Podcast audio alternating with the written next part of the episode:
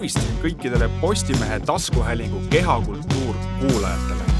sel nädalal võtame vist esmakordselt siin saates ei, näe, juba patustan, suutsin ikkagi käigu pealt välja vabandada. teistkordselt võtame siin saates luubi alla võrkpalli, sellepärast et eelmisel suvel Ardo Kreek meil ka külas käis. ka täna on meil võrkpallur külas, seda siis virtuaalsilla vahendusel ja Tartust ütleb meile tere Tartu Bigbanki peatreener Alar Rikberg. tere, tere no nädalavahetusel siis eh, jagati välja koduse Volleskeene viimased medalid. Eh, ka teie läksite nädalavahetusel Saaremaale ikkagi medalite järele, aga tagasi tuli sõita tühjade pihkudega. samas kahe nädala tagust Eesti meistritiitlit keegi ju teilt ära võtma ei tule, aga esimene küsimus on ikkagi see, et kui mõru see maik seal suus nüüd praegu on pärast seda nädalavahetust no esmalt tuleb tunnistada, et päris ilma medalita me koju ei saabunud, sest meie ülivinge fännklubi oli meile tee peale vastu tulnud, kõikidele mängijatele ja kogu staffile teinud lohutuseks medalid eh, kirjaga fännide lemmik ehk siis iga mees sai eh, medali ikkagi kaela endale. ja lõpuks siis eh, see vastuvõtmine lõppes kauni ilutulestikuga Tartu sissesõidu juures. aga nädalavahetuse mõnususest rääkides, koha peal ja kohe pärast seda emotsioonid just head ei olnud, aga kogu see nädal oli nii keeruline, et ega keegi nutma ei hakanud. selge oli see, et elu läheb edasi ja pigem nii mina kui ka meeskond vaatab, vaatab nagu tagasi sellele, mis sel aastal positiivset oli no tegelikult sinu meeskonna juurde me tuleme, ka selle juurde, mis teil sel nädalal juhtus, aga kuivõrd ikkagi nädalavahetusel, nädalavahetus möödus ju ikkagi rõõmsatest toonidest, selgusid meistrid, siis äh, lahkaks võib-olla esmalt sinuga seda finaalmängu, et äh, sinagi said ju ütleme, vahelduseks vaadata võrkpalli nii, et sa ei pidanud analüüsima igat käiku, sest et hooaeg on läbi ja noh, see, kuidas Raadik ja, ja Kollo siin äh, viimases mängus palle maha lõid, see ju järgmist eh, hooaega silmas pidades liiga palju ei anna, kui üldse, et eh, kas, kas sa suutsid ennast välja lülitada ja lihtsalt nautida võrkpalli või ikkagi treeneri pilk segas ka, ka, ka finaalmängu öö, jälgimist? kuna me vaatasime finaalmängu eh, kogu meeskonnaga tagasi teel bussis, kellel siis telefonid, kellel tahvlid, kellel arvutid ees, mõne arvuti taha oli kogunenud suurem seltskond, mõni vaatas eraldi siis sellist arutamist ja infovahetust oli päris palju. et äh, põnev oli seda finaali vaadata, aga tahes-tahtmata päris välja ei saanud lülitada. ikka hakati analüüsima ühte või teist. nüüd pean siin jälle natuke täpsustama, eks statistikanumbrid näitavad, aga aga hea sõber Kristo Kolla just väga palju seal palle maha ei saanud ja siis tuli Andrus Aadik, kes neid natukene paremini maha sai. jah, tõesti, esimese geimi järel ta ju pingile võeti jah, hiljem sai ta vist korra veel platsile, kui nad äh, hädas olid, et äh, kolmandat geimi ikkagi domineeris Saaremaa päris selgelt. aga kui selle finaali kvaliteedi juurde tagasi tulla, midagi pole teha, mina olen jätkuvalt seda meelt, et võrkpallialaselt kõige kõrgetasemelisem finaalmäng sel hooajal oli karikafinaal. seal oli palju pikki võimsaid pallivahetusi.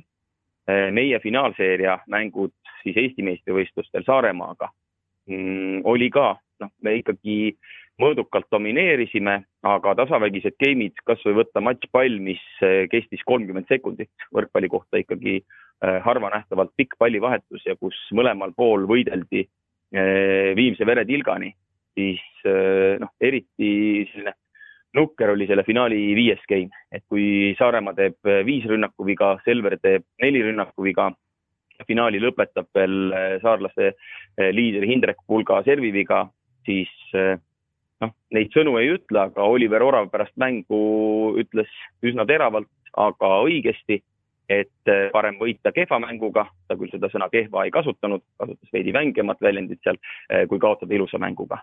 ja lõpuks siis finaali närvilisust oli ja finaali võitis lihtsalt see, kes vähem eksis noh, samas võrkpallisõbra seisukohast võib-olla oli isegi see närvilisus hea, et kui sa ikkagi näed järjest, kuidas kahel järjestikusel rünnakul äh, kõigepealt siis Saaremaa poolelt või kõigepealt Selveri poole peal, siis Saaremaa poole pealt mehed lähevad nagu koos sama palli ründama, et kaks mängijat lähevad ühte, ühte palli ründama, et selliseid asju sa näed, noh, see ikkagi annab nagu fänni seisukohast nagu, nagu täiesti lisaväärtuse juurde, et ei ole lihtsalt see, et hea mäng, vaid sa näed ka seda, seda emotsionaalset raskust, mida tegelikult ju tavainimesel alati ei pruugi olla kõige lihtsam aduda.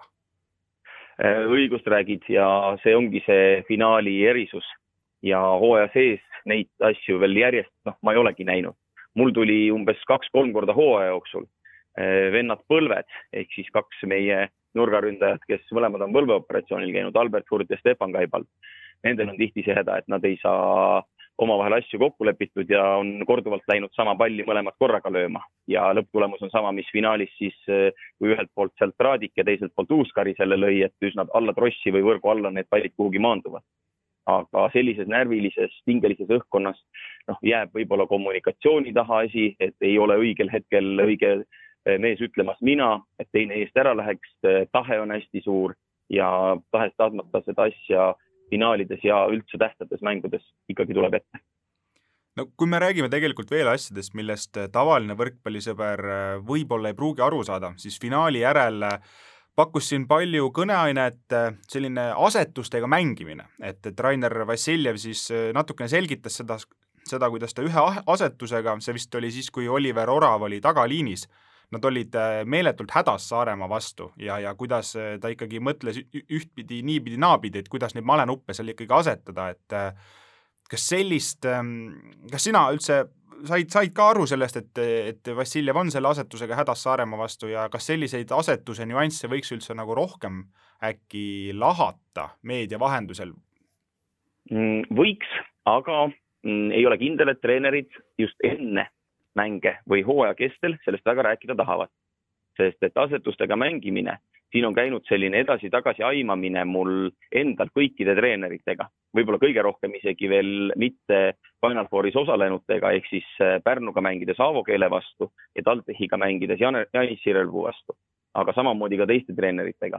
Ja neid nüansse, et sa võid olla hädas ühe asetuse rünnakuga, sa võid sättida, kes kelle vastu plokki jääb, Äh, võib mõelda treener selle peale, et kui vastastel on tugevamad äh, servijad jooned, servijoone taga, et kes ja mitmekesi vastu saab võtta, kus sel hetkel on libero või kus on sinu kõige nõrgem vastuvõtja.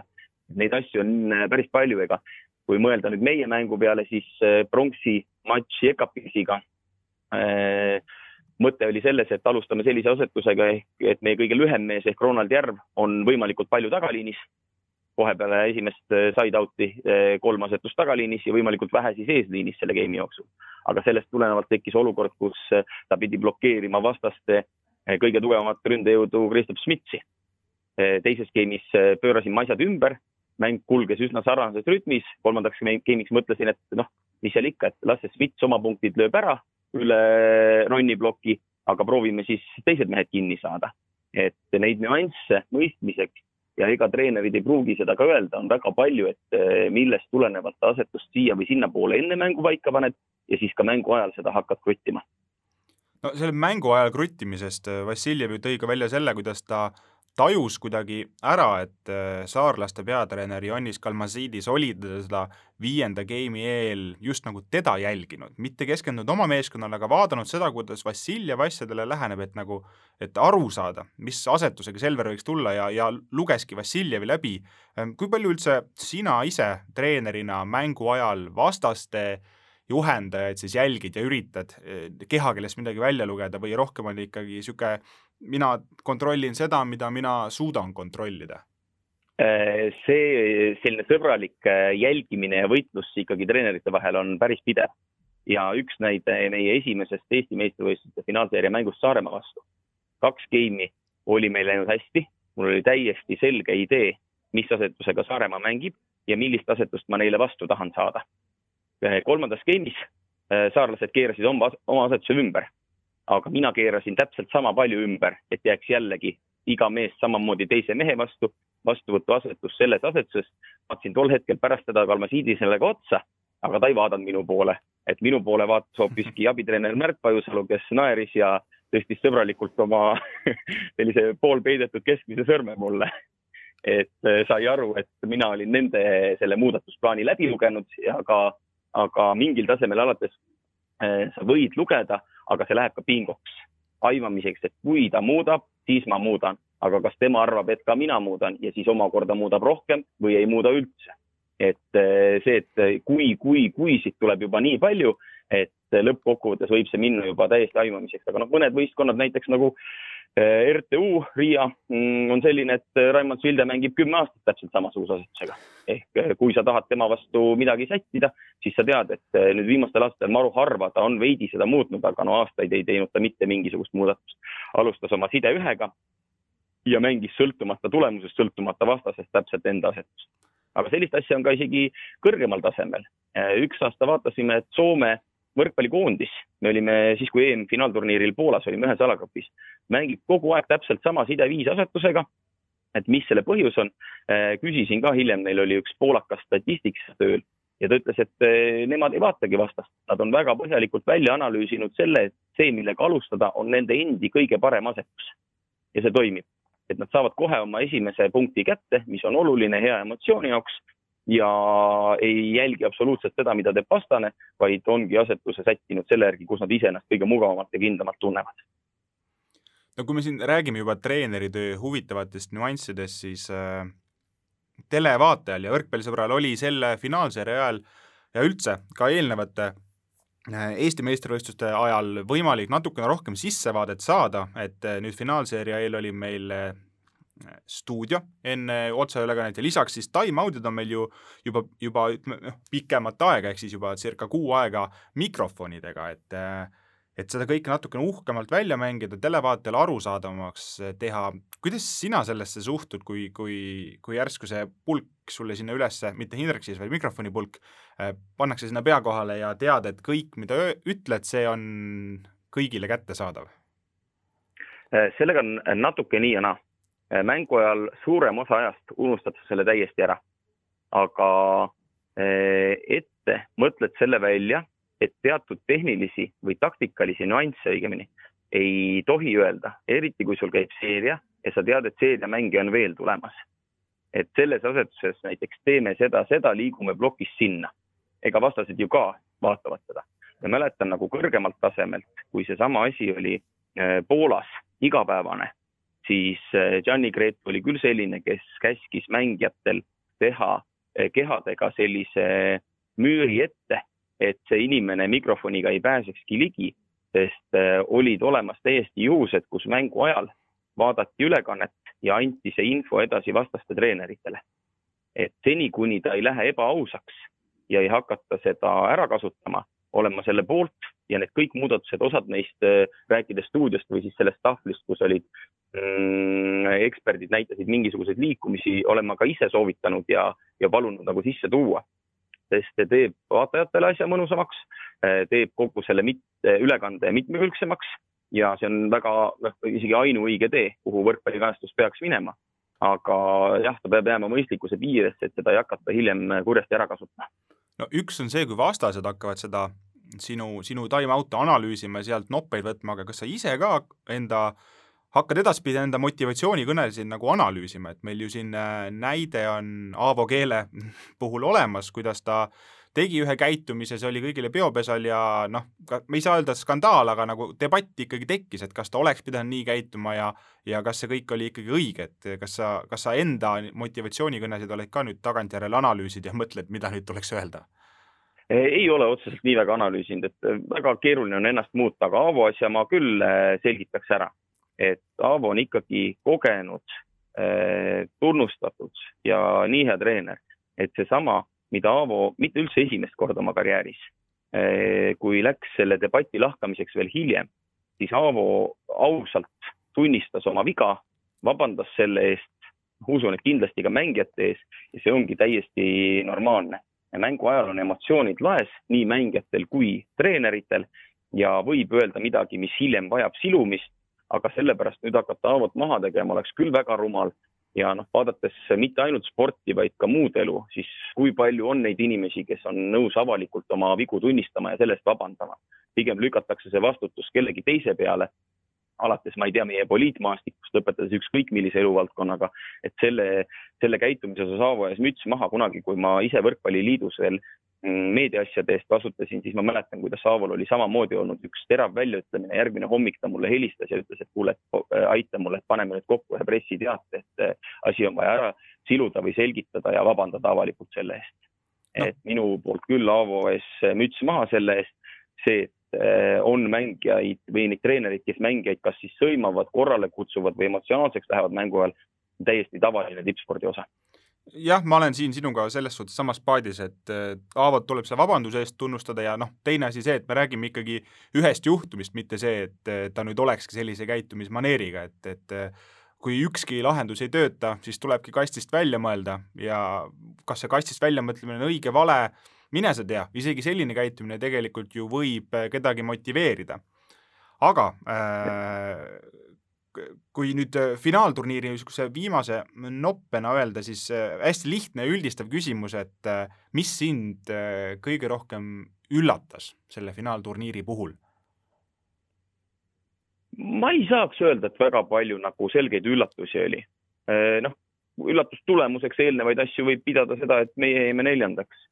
Aga Bigbank Tartul, ütleme nii, et ei olnud see üks turniir, vaid oli üks must nädal algas kõik kolmapäevases treeningus, kui eh, kõigepealt esimese sellise negatiivse üllatuse sepitasid kahe peale vennad Tammearud, eh, Siim Tammearu siis rünnakul ja Märt kaitses, pall tuli kõrgele kehasse, Märt proovis ülevalt mängida ja pöial läks puru.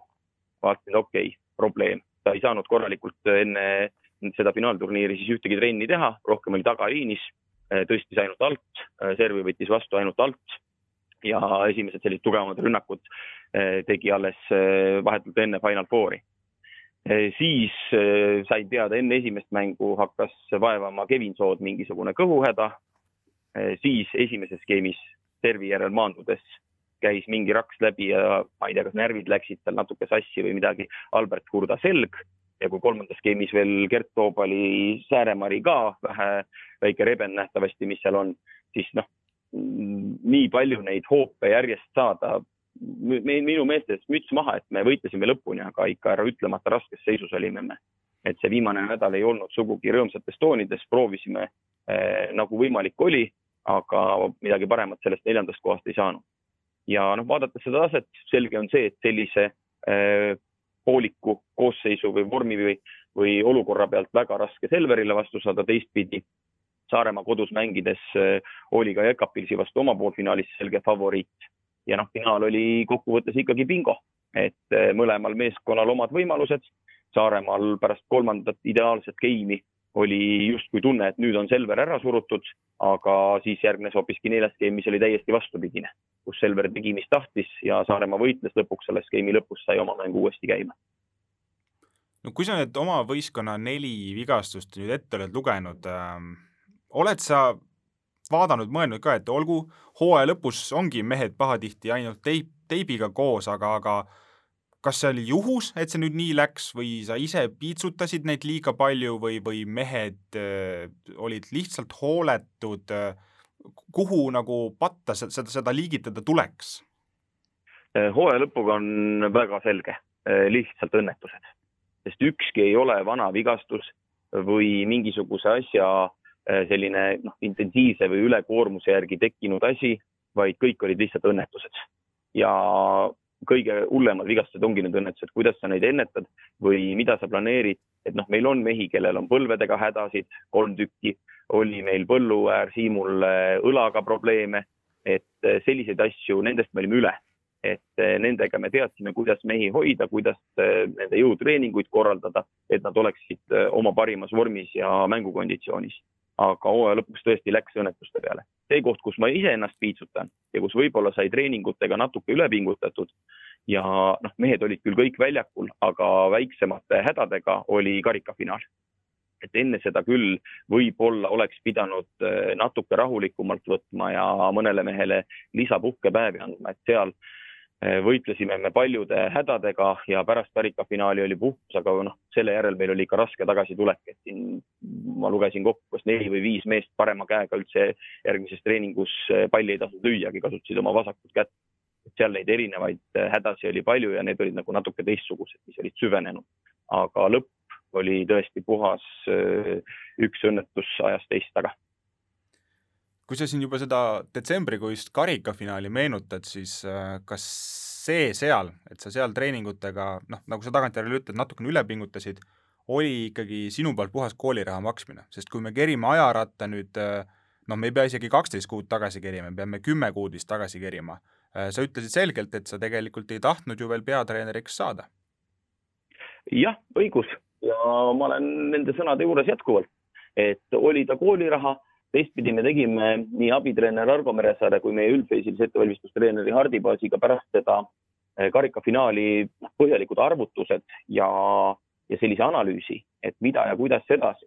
natukene muutsime oma üldfüüsilise ettevalmistuse, eh, mitte isegi mahtu, vaid eh, sellist suunitlust, et mille peale harjutused üles ehitada ja natuke muutsime võrkpallitreeningute sisu noh, kõige lihtsamalt öeldes meil oli võib-olla hiljem siis vähem trenne, aga pikemaid trenne ja tunniajased hommikused trennid asendusid pooleteisttunnistega, et oleks võimalik äh, rohkem teha, aga neid ei olnud nii tihti hommikuti, et oli rohkem vabasid hommikuid.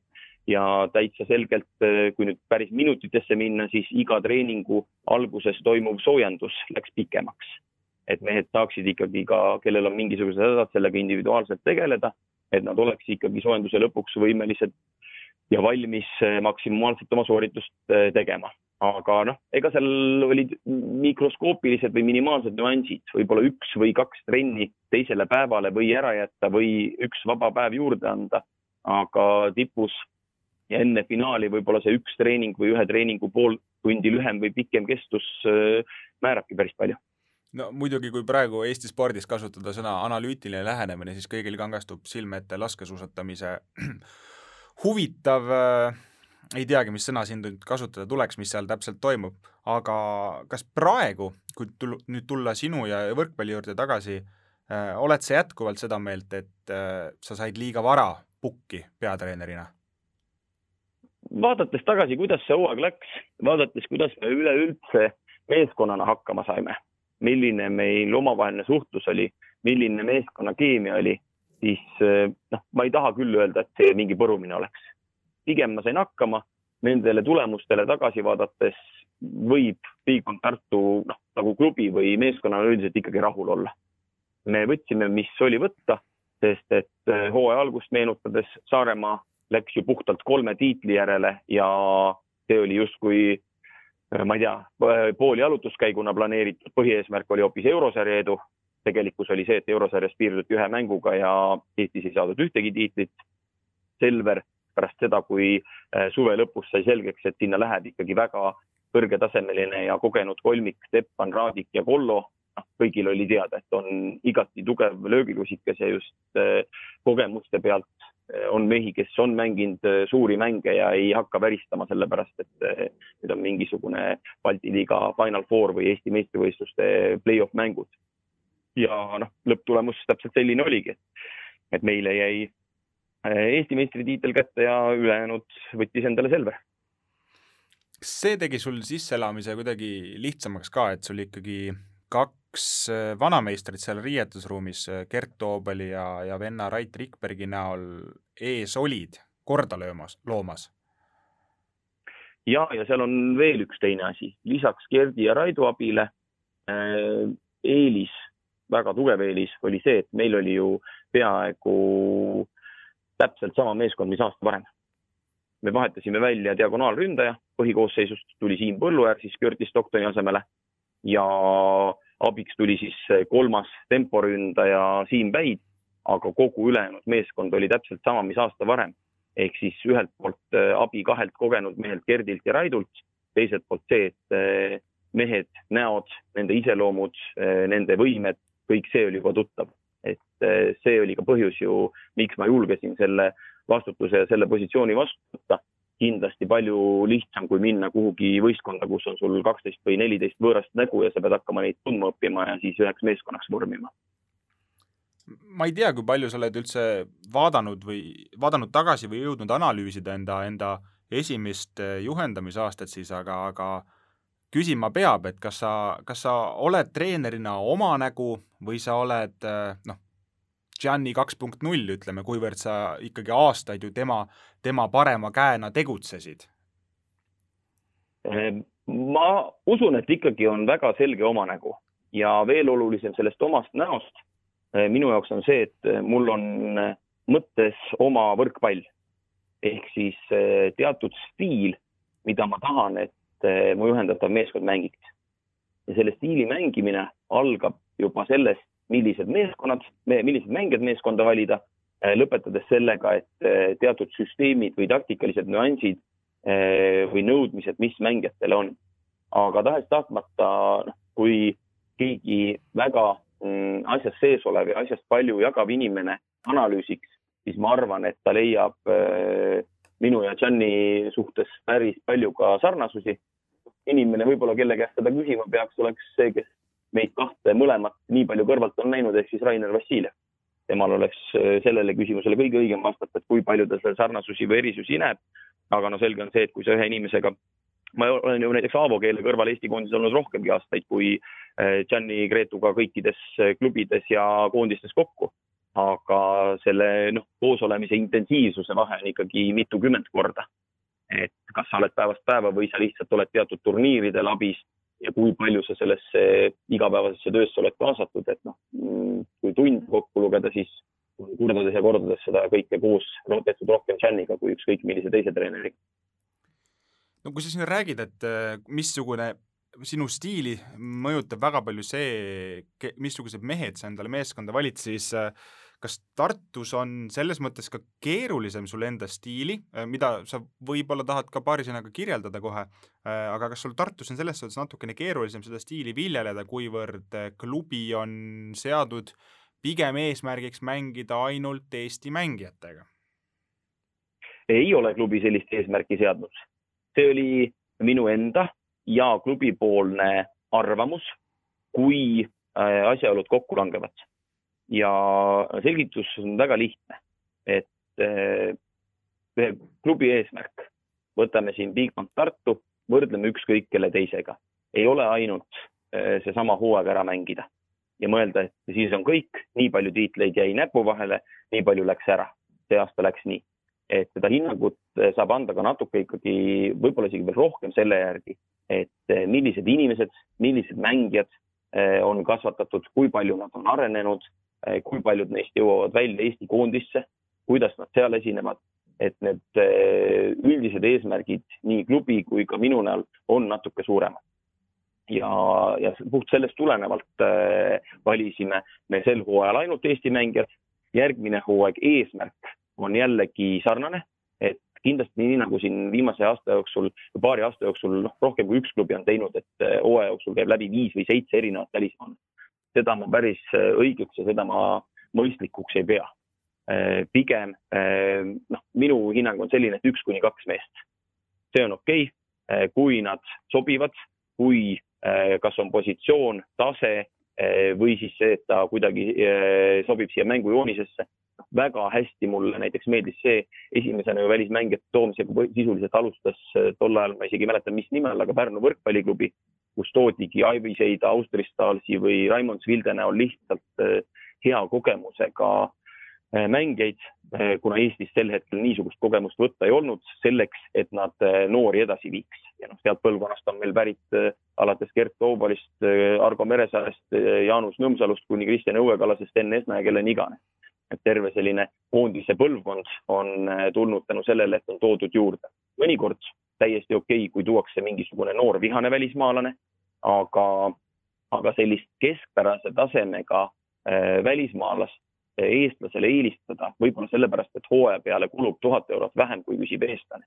pigem ma ütleks niipidi, et, et panustame ikkagi sel juhul eestlasele. Ja noh, summa summarum, kui võtta lennupiletid, rahvusvahelised transferkulud ja kõik muu, siis ega välismaalasi väga odavalt ikka ei saa. No kui me sujuvalt muidugi juba Tartu võistkonna komplekteerimise peale jõudsime, siis äh, mina olen aru saanud, et praegu on paigas pusletükkidest äh, Albert Hurt ja Alex Saaremaa, noh, ja ilmselt ka klubi juht Alari Jõesaar ja mänedžer Hendrik Rikand, on ju, aga, aga isegi sinul ju uut lepingut klubiga veel ei ole. Äh, veidi vara teeme seda saadet et võib-olla homme või ülehomme räägin juba teist juttu. ehk siis eh, puhkuseaeg oligi täpselt selline, et sain ühe päeva pärast koju jõudmist mõnusalt eh, maal aiatöid teha.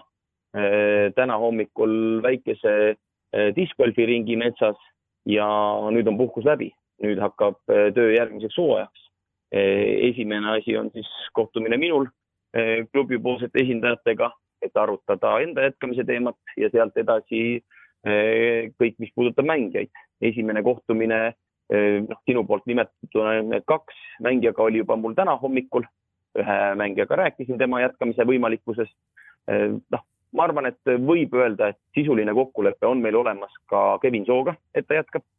lisaks siis Alex Saaremaale, Albert Hurdale, kellel on juba niikuinii varem sõlmitud pikemad kehtivad lepingud ja noh, ma olen üsna seda meelt, et neid mehi, kes olemasolevast meeskonnast alles jäävad, on ikkagi omajagu. ma, ma ei pea seda õigeks, kui vahetatakse välja rohkem kui pool või isegi pool meeskonnast kahe hooaja vahel. et meie eesmärk on sama, olgu see põhituumik, olgu need vahetusmängijad, vähemalt pool, ideaalis isegi üle poole eh, sellest, selle hooaja meeskonnast võiks jätkata Bigbank Tartu klubis ka järgmisel hooajal. aga seda võib vist väita et, et üheksakümne üheksa koma üheksa protsendiga oled sina järgmisel aastal ainukene rikkpärk Bigbankis? Ei või seda jätkata, väita ja seda ei saa juba sellepärast jätkata, et üheksakümmend üheksa koma üheksa on väga suur protsent mõeldes minu jätkamise peale kuna me tõesti hooaja keskel leppisime kokku, et me ei räägi sellest ja mängime mängud ära, siis on õige hetk asjale, õigemini sellele hooajale siis tagasi vaadata ja mõelda, mis saab järgmisel hooajal.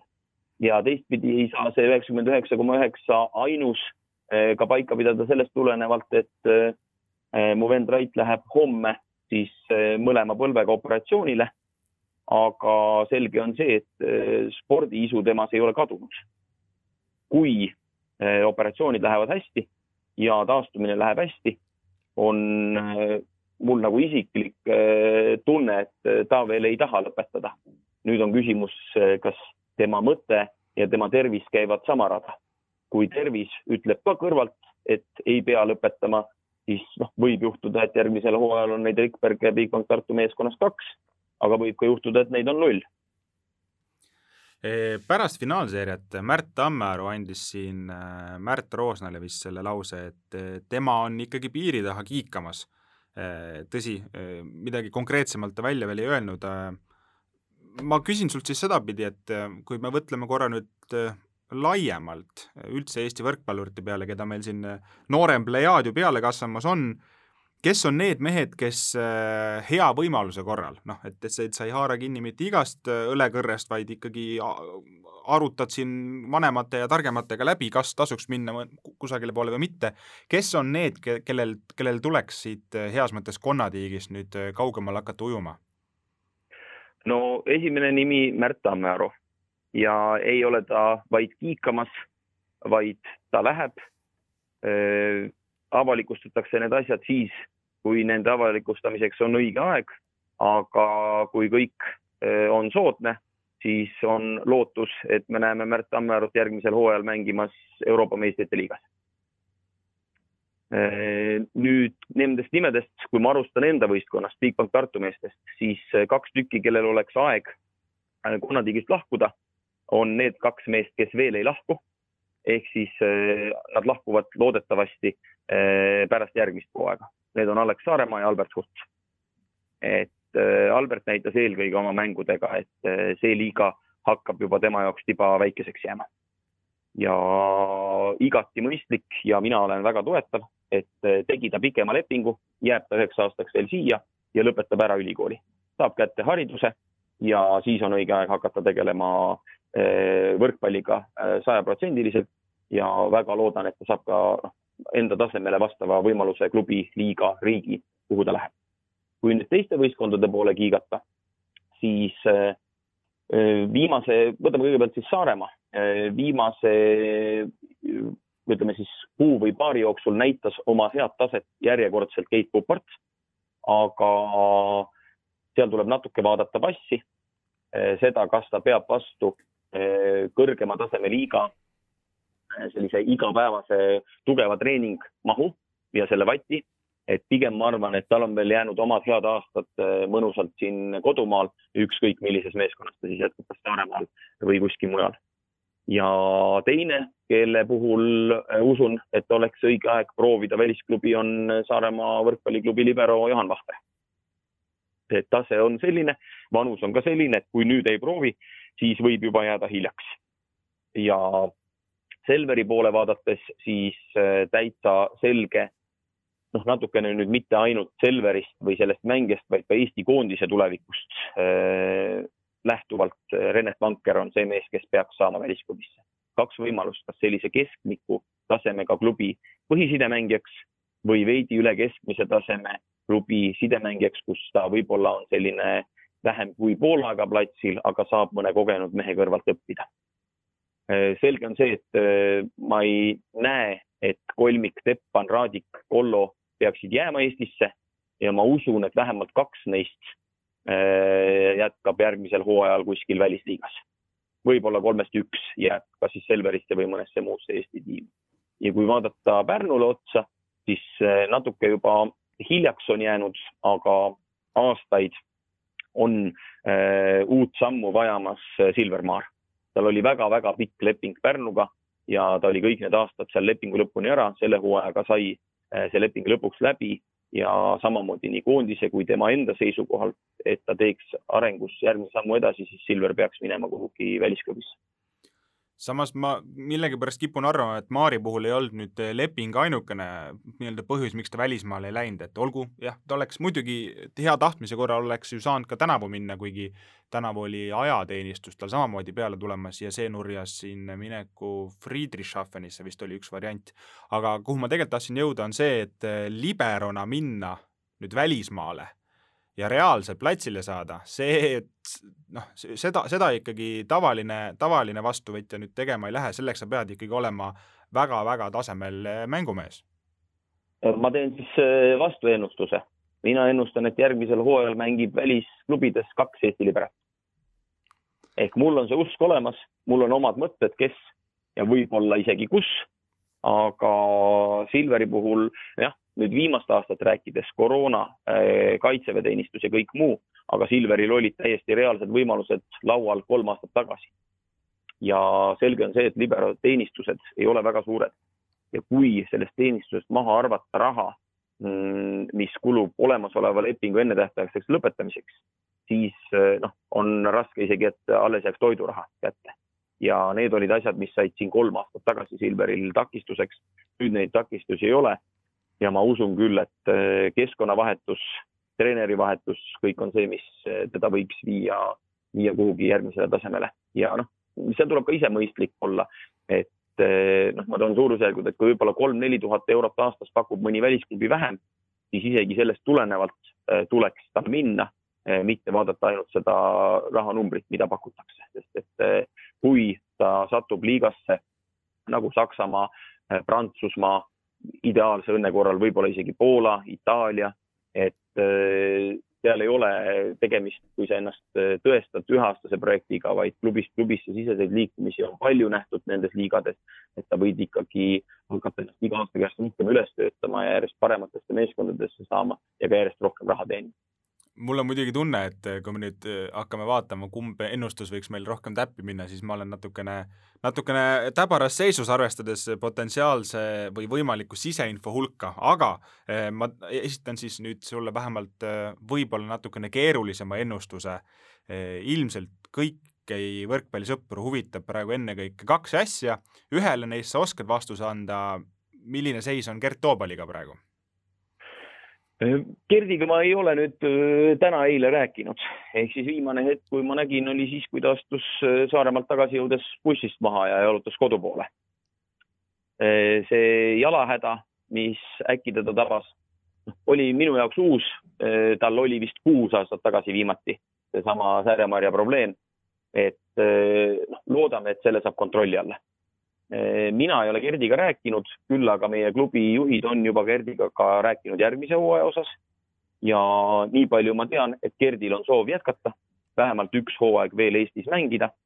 ja noh, eks nüüd tuleb ka minul eh, Gerdiga kokku saada, maha istuda ja vaadata, et kas me leiame selle ühise keele ja kas me leiame see, need tingimused, eh, kuidas ta oleks nõus Tartus jätkama no ma esitan selle teise küsimuse ka, aga noh, selleks on siis Saaremaa jätkamine ja, ja ma annan endale siinkohal aru, et ilmselgelt sa pole, pole kärbes, kes saaks rahulikult minna seina peale ja kuulata pealt äh, Hannes Sepa ja, ja Toivo ja Ivar Aldi juttu, aga äh, märgid vist liiga julgustavad ei ole, kui siin nüüd natukene, natukene maad kuulata ümberringi jah, siseinfot mul selle kohta absoluutselt pole, ei ole ka torkinud.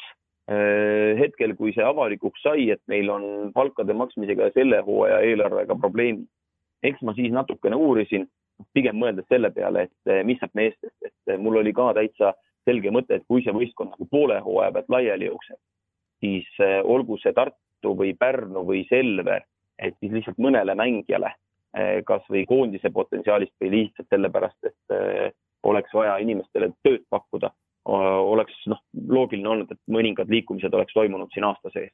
aga kuna see meeskond jätkas, siis oli täitsa selge, et kedagi torkida pole mõtet. Mulle meeldis see süsi, see südi esitlus, mida Saaremaa palliplatsil näitas ja mitte ainult meeste poolt, vaid tuled sellest hädast välja. Nende peatreener Kalmasiidis kuni abitreener Märt Pajusalu, kuni nende füsioterapeut Kardo Maruste. et kogu see tiim oli selline mõnusalt ühtehoidev. natuke on kahju, et äh, sellise pingutuse peale mitte ühtegi tiitlit ei võitnud, aga selline see tase tänavu oli. kas Saaremaa järgmisel aastal jätkab äh, Eesti võrkpallile? Äh, kui nüüd rääkida siis sellest klubi võrkpallist, kui rääkida liigast, nii Eesti liigast kui Balti liigast, loomulikult ühe suure, ühe tugeva klubi kadumine oleks väga-väga negatiivne. ja ma ei tea, aga ma loodan, et siis võtaks keegi teine selle koha üle. Sest et äh, meil on olnud aastaid, kus Eestis on isegi kuus või seitse Eesti liiga tasemel mänginud meeskonda. mina olen olnud arvamusel, et Eestis on täpselt nii palju mängijaid, et korralikult ära mehitada viis tiimi. võib-olla kuus tiimi, aga see tähendab seda, et natukene, minu hinnangul natuke palju oleks välismaalasi sees. et viis, mis tänavu oli, oli täpselt paras kõik olid konkurentsis, isegi TalTech äh, hammustas meid, hammustas Selverit, ei olnud kellelgi nendega lihtne. Ja, ja noh, ma loodan, et vähemalt viis meeskonda jääks. see, äh, mis Saaremaa ise mõtleb, no ma ei taha öelda, et ma nõus sellega olen, et, äh, et korra nüüd hiljuti meediast käis läbi, et kui me tuleme, siis tuleme vähemalt neljasaja tuhandese eelarvega ja tuleme mängima tiitlite eest. et noh, tundub selline projektipõhine lähenemine, et poole väiksema eelarvega annab teha väga konkurentsivõimelise ja medalite eest, võib-olla hea õnne korral ka tiitlite eest mängiva meeskonna. et ei saa äh, sättida nagu endale juba ette sellist mõtet, et kui siis Vabank, kui meil on see raha, teeme, äh, kui on veidi kasinamad võimalused, siis ei tee. et see piir ikkagi kui me vaatame teisi klubisid, on eelarve suhtes kuskil seal kahesaja tuhande kandis, millega annab mängida väga-väga arvestataval tasemel. No siinkohal ma pean ikkagi sind parandama, et kui siis ikkagi Bigbank, aga eh, noh, siin Saaremaa puhul ju on tegelikult eh, aegade jooksul erinevates väljaannetes neid on natukene hurjutatud, mm, sina viskasid siin kaude kinda neile ka siin saates, ka mina olen, olen kirjutanud ise kolumni, et Saaremaa tuli rahaga meistriks Äh, aga kes sellest võitis? Ja, ja, ja küsinud samamoodi, et kas sellest on, on Eesti võrkpallile kasu, samas näe, noh, praegu tunnistan, et olen, olen saanud vanemaks ja targemaks, et, et Saaremaa kadumine oleks ju ikkagi selles mõttes ju ränk hoop Eesti võrkpallile, et äh, isegi kui see on komplekteeritud äh, sada protsenti välismängijatest, noh, eeldusel, et need ei ole nüüd Järvamaa stiilis äh, Äh, USA üliõpilased, siis väga-väga äh, tugev sparringupartner on nad igal juhul siis Eesti mängijatest mehitatud teistele klubidele ja selle koha pealt ainuüksi oleks, oleks ühe tugeva klubi olemasolu noh, kõige lihtsamalt öeldes hädavajalik ju.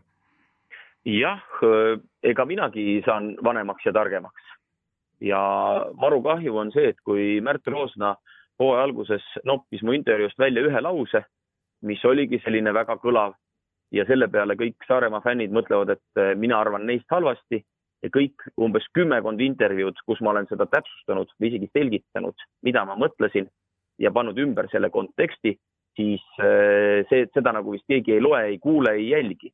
ehk siis äh, ise panin natuke sõnastusega mööda. mulle tõesti ei meeldinud see, et võeti nii palju välismaalasi, maalasi liigale ja klubi võrkpallile, loomulikult annab see Saaremaa võrkpalliklubi väga palju juurde. Aga mõeldes Eesti koondisele, seal ei ole nagu otsest kadedusnooti, aga natuke ka on. nii professionaalseid treeningtingimusi, staff, kus sul on olemas füsioterapeut Kardo Maruste näol, sul on üldfüüsilise ettevalmistuse treener toodud Lätist, sul on kõik võimalused loodud ja sul on meeskond, mis on professionaalne, sest ülejäänud ikkagi tahes-tahtmata, aga minul on koolipoisid, töömehed ja Selveril täpselt samamoodi, Pärnus täpselt samamoodi, siis eh, see võiks olla ka klubi, kus võetakse teatud mängijaid, keda ütleme siis eh, valmistatakse ette või tehakse paremaks ka Eesti võrkpallikoondise jaoks. mõtleme kõige lihtsama näite, enne hooaega võtan endale brasiillasest nurgaründaja De Sousa, tundus päris põnev kuju, samas on ajalugu, sa oled kolmeteistkümnes eri riigis mänginud, ta ei ole mitte ühessegi klubisse jäänud rohkem kui üheks hooajaks. selge on see, et mingi ohumärk on. samal ajal on sul ripakil Karli Allik. vähe sellest, et tegemist on Eesti mängijaga, tegemist on ka Saaremaa mängijaga. Saaremaa oma inimesega. Saaremaa ju alguses tuli välja selle loogikaga, et me teeme ja panustame saarlastele Karli Allik nüüd tulemusena mängis hiilgava hooaja Saksamaal, Sousa, kes toodi Saaremaale, mängis alguses enam-vähem, siis kehvasti, lahkus Kreekasse, Andrei Aganitsa klubisse, tegi seal kaks-kolm head mängu, äh, lõpus oli täielik õnnetuse hunnik. ehk siis äh, mitte midagi ütlev ja noh, tagantjärele tarkus, loomulikult äh, üritad parimat, aga mõnikord ei ole mõistlik võtta niimoodi, et me nüüd panemegi selle, selle, selle mängija ja läheme puhtalt ainult neid tiitleid võitma, vaid võtame selle, sest selle mehe, sest seal on potentsiaal. see potentsiaal võib olla ka tulevikuks Eesti koondise jaoks ja kui mitte, siis vähemalt liigas, et tulevikus veel aastaid ja aastaid siin seda liiga taset hoiab. et noh, jah, eks ta on äh, valikute küsimus ja noh, hurjutada ei ole mõtet, absoluutselt äh, nõus sellega, et Saaremaa, äh, minu ütlelu, ütlus, et Saaremaa midagi Eesti võrkpallile ei anna, ei olnud õnnestunud, sest et ma pidasin silmas koondist küll ta annab väga palju ja maru kahju oleks, kui me räägime liigast ja klubi võrkpallist. no me oleme otsapidi siin jõudnud juba Eesti koondiseni, äh, mida, mida paar korda sa siin viimases lauses ka mainisid, äh, noh, sinu puhkus sai küll ühe päevaga läbi, aga see oli, nüüd on sul klubitöö Eesti koondisega, ma saan aru, kogunemine toimub äh, kahe nädala pärast, kolmandal mail. Saate vist Tartus kokku, kui mu andmed ei eksi. just nii. Et äh, esimeses otsas siis Euroopa Kuldliiga Eesti koondises äh, vastu vaatamas on Läti, Hispaania, Belgia, aga mina küsin hoopis nagu selle nurga alt, et äh, kas äh, nüüd selle kahe nädalaga, kui siin koondis välja hõisati ja mis praegune olukord on, et kas te olete treenerite brigaadiga või sina isiklikult siis, noh, teiste eest sa ju rääkida ei saa, olete läinud ka murelikumaks, kui ma siin loetlen sulle ette praegu, et Albert Hurt märksõnaks selg, Gert Toobal märksõnaks säär, Hindrek Pulk märksõnaks, ma ei tea, õlg, ta vist on see õigem märksõna seal, Oliver Orava põl-, põlved, Robert Tähe kõhulihas, ma nüüd ei teagi, kas ma suutsin veel kellegi ära unustada ka, aga noh, sa said juba no Märdi Sõrme suutsid ära unustada veel. just, ja noh, rääkimata sellest, et Andrus Raadik Marti Juhkami esimest poolt kaasa ei tee et äh, mul juba vaikselt hakkasid nagu sõrmed otsa saama mure, mure, mure koha pealt, aga kas see mure on tegelikult ka midagi sellist, mida, mida, mis teid vaevab? no alustame selle mure esimesest poolest. koondises on mehi omajagu. Äh, ma olen ka korra seda varem maininud kuskil. Äh, koondise nimekiri, mis saadeti meediale välja ja pressiteatena. ma ise helistasin veel alaliitu, palusin seda täpsustada peatreeneriga, sest ei ole päris see nimekiri. koondise esimeseks pooleks ei ole planeeritud laagrisse ei Andrus Raadikut ega Martti Juhkamit. üks läheb perega Soome, teisel sündisid kaksikud ja ütles kohe ise ära, et esimene suvepool ta noh, arvab seda, ennustab, ma usun ka õigesti, et ta peab oma naisele toeks olema. ja igati loogiline, nendega mitte keegi me ei, ei arvestaks. me arvestame, kui on vajadus, nendega suve teises pooles, kui algab ettevalmistus Euroopa meistrivõistluste finaalturniiriks. kui sa nüüd nimetasid kolm vigastatut, ehk siis Indrek Vulga õlg, Robert Tähe kõht ja Oliver Orava põlv, siis koondisse koha peale kutsutakse kakskümmend kolm meest, kellest kakskümmend peaks hakkama mängima võrkpalli ja kolm tulevadki siia oma äh, vigastustele ravi saama, oma füüsilist äh, seisundit kontrolli all hoidma, et nad oleks lihtsalt pundis, püsiks ja samamoodi mõeldes hooaja teisele poole Robert Täht käis mul eelmisel nädalavahetusel korra külas, ajasime juttu, ütles, et ega see kõht ei ole paha, võib-olla ta juba tahab ka kiiremini võrkpalli mängima hakata no,. aga ma arvan, et seal tuleb lihtsalt jõuga tagasi hoida aga... et eh, need kõik asjad ei ole absoluutselt murekohad, sest me oleme treeneritega kõigest sellest rääkinud ja me oleme kõige sellega arvestanud. murekohad, mida ma ei ole veel ka Cedricule ise öelnud, eks ma pean ütlema, ongi seesama üks õnnetu Bigbank Tartu nädalavahet, nädal. Ehk siis eh, seesama eh, poolfinaalis saadud kaks vigastust ja varem Märt Tammearu vigastust. ma olen üsna veendunud, rääkides siis meie üldfüüsilise ettevalmistuse treeneri ja füsioterapeudi Hardi Baasiga, et Alberti selg vajab lihtsalt nädalakese rahu. Eh, võib-olla esimene nädal tuleb temaga natukene eriprogrammi alusel ja mm, vaikselt pihta hakata. juhtus see asi väga õnnetul hetkel, oleks see olnud nädal enne Final Fouri, oleks meil tekkinud võib-olla veel võimalus ta nii-öelda mängukorda putitada, aga nii kiiresti sellise asjaga ei saa tegeleda, saab ta rahu ja usun, et ta on valmis koondise alguses toimetama. sama on Märdi Sõrmega, need sõrmevigastused on sellised, et kõige õnnetum asi on plokk kui sa plokis saad noh, täpselt sama sõrme pihta. meil on olnud mehi, ma mäletan Rauno Tamme käest kinnihoidmist. tal on üks sõrm, mis on aastate jooksul saanud neid litakaid nii, et vähe pole ja see ei lähe ära, see on, teeb sul valu aasta otsa. mitte midagi ei jäägi üle, see tuleb iga trenn kinni teipida ja natukene vajadusel valu kannatada, aga järjest paremaks ta ajapikku läheb, ta ei sega treeningute tegemist ja eks siis vajadusel saab äh, ülalt näppudega vastuvõtu või siis ülalt söödu asendada alt vastuvõtu jalgsööduga ja sellepärast ma muret-, noh, ainukene küsimus nüüd ongi see, et kui tõsine see Gerdi vigastus on. et eks see tuleb üle vaadata, et kas ta on juba kohe eh, koondise alguses nii-öelda maksimaalselt töökorras või tuleb talle natukene teistega võrreldes eriprogramm teha? Äh, siin vahetult enne, enne Credit kakskümmend neli meistriliiga finaalturniiri tuli, tuli Maailma Võrkpalliliidult ka selline huvitav teadaanne, et äh, suve esimese poole niisugune tõeline kulminatsioon või noh, potentsiaalne kulminatsioon Eesti koondise jaoks jääb sootuks ära, sellepärast et äh, koroona tõttu siis jäetakse ära maailmaliiga üleminekuturniir ehk Challenger Cup. selle peale vist kõige lihtsam kommentaar on äh, see no comments section, et äh, võrkpalli, Maailma Võrkpalliliidu inimesed leidsid jälle osava vabanduse, kuidas väikseid äh, jumala eest pudrukausile mitte lähedale lasta. täpselt nii ta on. FIVB on aastate jooksul maailmaliigat või VNL-i või mis iganes nime all teda mängitakse, reforminud korduvalt nii, et suuri hoida. ja midagi pole teha, see on poliitika meil Eestis on väga raske nüüd äh, jalaga uks lahti prõmmida ja öelda, et me nõuame võimalust. tuleb nende reeglitega kaasa minna. meie jaoks tähendas see automaatselt äh, seda, et käiku läheb plaan B. meil oli kohe olemas plaan A ja plaan B. kui me jõuame Challengerile, siis alustame EM ettevalmistust hiljem, alles augustis. nüüd, kui on teada, et seda Challengeri ei ole, siis suure tõenäosusega hooaja, selle koondise suve esimene pool lõpeb ära jaanipäeva kandis ja algab uuesti siis, kui mälu ei peta, kahekümne kuuendal juulil.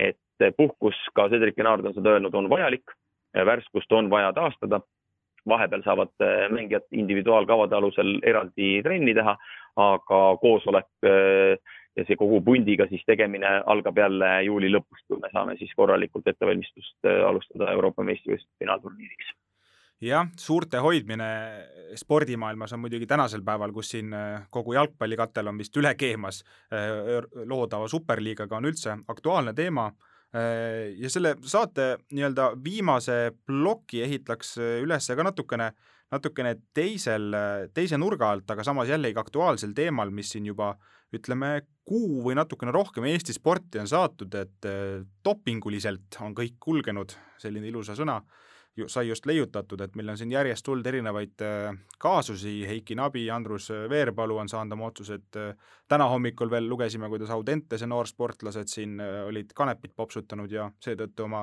oma spordiharidustee eest noh, ilma jäänud, sellepärast et koolilt välja visati ja tagatipuks leiti veel Soomest üles üks Eesti passiga patune judokas. aga, aga kuhu ma nüüd selle küsimusega tüürida tahan, on see, et need kaks äh, sõna, võrkpall ja doping, äh, kas need on nüüd rangelt teineteise pool võrku või, või need ikkagi vahepeal, vahepeal saavad kokku ka?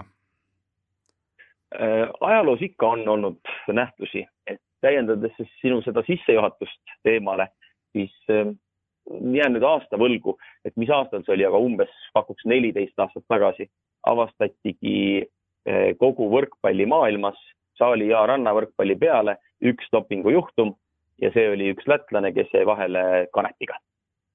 ja rohkem tol aastal ei olnudki. olen noh, natuke kuulnud, vähe ise näinud, et kõige puhtamaks ma ei pea seda, mis toimub Venemaal. ja kui me mõtleme nüüd päris nende dopinguainete peale, siis see meldooniumi ajast üleminek, see, mida siis peeti seal täiesti tavaliseks, et äh, olid siin meil tipptennisistid, kes sellega veel vahele jäid, kui täpselt ühest esimesest jaanuarist ta nüüd keelatud oli, aga varasemast veel organismi alles jäi, siis noh, see oli täiesti tavaline osa Venemaa spordist ja tol ajal ta veel ei olnud ka dopinguainete nimekirjas ja seetõttu äh, ka tarvitati. muidu pigem jääb äh, doping võrkpalli, noh, minu hinnangul seniste näidete varal on kaks võimalust. üks on õnnetu juhus, õnnetu juhus tähendab seda, et keegi võtab mingit ravimit absoluutselt muul põhjusel ja seal võib sisalduda midagi, arst ei ole vaadanud või ei ole mängija korrektselt ise seda eh, koostisosade nimekirja jälginud ja tõesti selline õnnetusjuhtum sealtpoolt või on olemas selliseid mängijaid.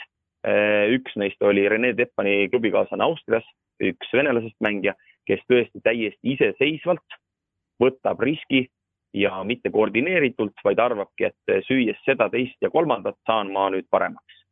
noh, ajalugu näitab, et neid mängijaid maailma tipus ei ole.